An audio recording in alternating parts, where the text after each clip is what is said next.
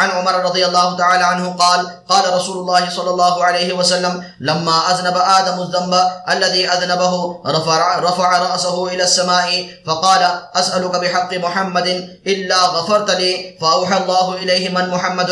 فقال تبارك اسمك لما خلقتني رفعت رأسي إلى عرشك فإذا فيه مكتوب لا إله إلا الله محمد رسول الله. فعلمت أنه ليس أحد أعظم عندك قدرا عمن جعلت اسمه مع اسمك.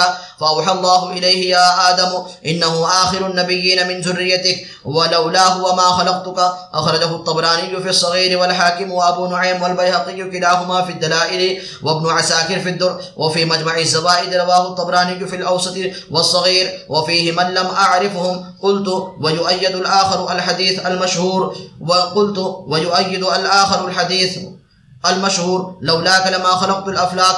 قال القارئ في الموضوعات الكبير موضوع لكن معناه صحيح وفي التشرف معناه ثابت. ويؤيد الأول ما ورد في غير رواية من أنه مكتوب على العرش ووراق الجنة لا إله إلا الله محمد رسول الله. كما بسط طرقه السيوطي في مناقب اللآلي في غير موضع.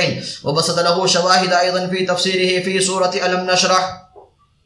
حضور اقدس صلی اللہ علیہ وسلم کا ارشاد ہے کہ حضرت آدم علیہ نبینا و علیہ والسلام سے جب وہ گناہ صادر ہو گیا، جس کی وجہ سے جنت سے دنیا میں بھیج دیے گئے، تو ہر وقت روتے تھے اور دعا و استغفار کرتے رہتے تھے۔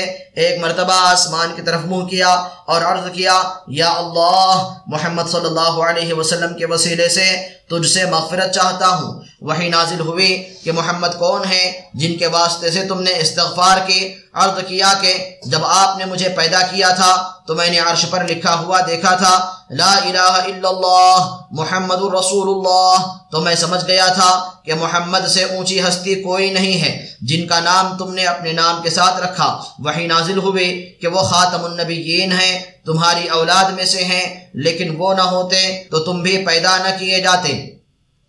فائدہ۔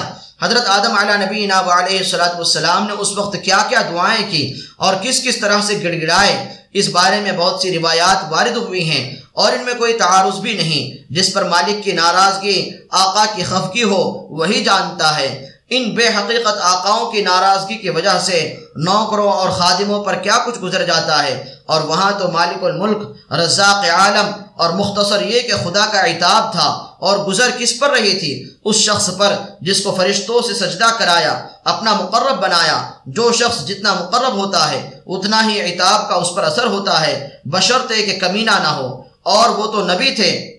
حضرت ابن عباس رضی اللہ عنہما فرماتے ہیں حضرت آدم علیہ السلام اس قدر روئے کہ تمام دنیا کے آدمیوں کا رونا اگر جمع کیا جائے تو ان کے برابر نہیں ہو سکتا۔ چالیس برس تک سر اوپر نہیں اٹھایا۔ حضرت بریدہ رضی اللہ عنہ خود حضور اقدس صلی اللہ علیہ وسلم سے نقل کرتے ہیں کہ اگر حضرت آدم علیہ السلام کے رونے کا تمام دنیا کے رونے سے مقابلہ کیا جاوے تو ان کا رونا بڑھ جائے گا۔ ایک حدیث میں ہے کہ اگر ان کے آنسوؤں کو ان کی تمام اولاد کے آنسوؤں سے وزن کیا جائے تو ان کے آنسو بڑھ جائیں گے۔ ایسی حالت میں کس کس طرح زاری فرمائی ہوگی ظاہر ہے۔ یہاں لب پہ لاکھ لاکھ سخن اضطراب میں، وہاں ایک خاموشی میرے سب کے جواب میں۔ اس لیے جو روایات میں ذکر کیا گیا، ان سب کے مجموعے میں کوئی اشکال نہیں۔ من جملہ ان کے یہ بھی ہے کہ حضور صلی اللہ علیہ وسلم کا وسیلہ اختیار فرمایا۔ دوسرا مضمون عرش پر لا الہ الا اللہ محمد رسول اللہ لکھا ہوا ہونا، یہ اور بھی بہت سی مختلف روایتوں میں آیا ہے۔ حضور صلی اللہ علیہ وسلم ارشاد فرماتے ہیں، میں جنت میں داخل ہوا تو میں نے اس کی دونوں جانبوں میں تین سطرے سونے کے پانی سے لکھی ہوئی دیکھی۔ پہلی سطر میں لا الہ الا اللہ محمد رسول اللہ لکھا تھا، دوسری سطر میں ما قدمنا وجدنا وما اکلنا ربحنا وما خلقنا خسرنا تھا۔ جو ہم نے آگے بھیج دیا یعنی صدقہ وغیرہ کر دیا، وہ پا لیا، اور جو اور جو دنیا میں کھایا، وہ نفع میں رہا، اور جو کچھ چھوڑ آئے، وہ نقصان رہا۔ اور تیسری سطر میں تھا امت مزنبت و رب غفور یعنی امت گناہ گار اور مالک بخشنے والا۔ ایک بزرگ کہتے ہیں، میں ہندوستان کے ایک شہر میں پہنچا، تو میں نے وہاں ایک درخت دیکھا، جس کے پھل بادام کے مشابہ ہوتے ہیں، اس کے دو چھلکے ہوتے ہیں۔ جب ان کو توڑا جاتا ہے تو ان کے اندر سے ایک سبز پتہ لپٹا ہوا نکلتا ہے۔ جب اس کو کھولا جاتا ہے تو سرخے سے لا الہ الا اللہ، محمد رسول اللہ لکھا ہوا ملتا ہے۔ میں نے اس قصے کو ابو یعقوب رحمہ اللہ شکاری سے ذکر کیا۔ انہوں نے کہا، تعجب کی بات نہیں، میں نے ایلا میں ایک مچھلی شکار کی تھی، اس کے ایک کان پر لا الہ الا اللہ اور دوسرے پر محمد رسول اللہ لکھا ہوا تھا۔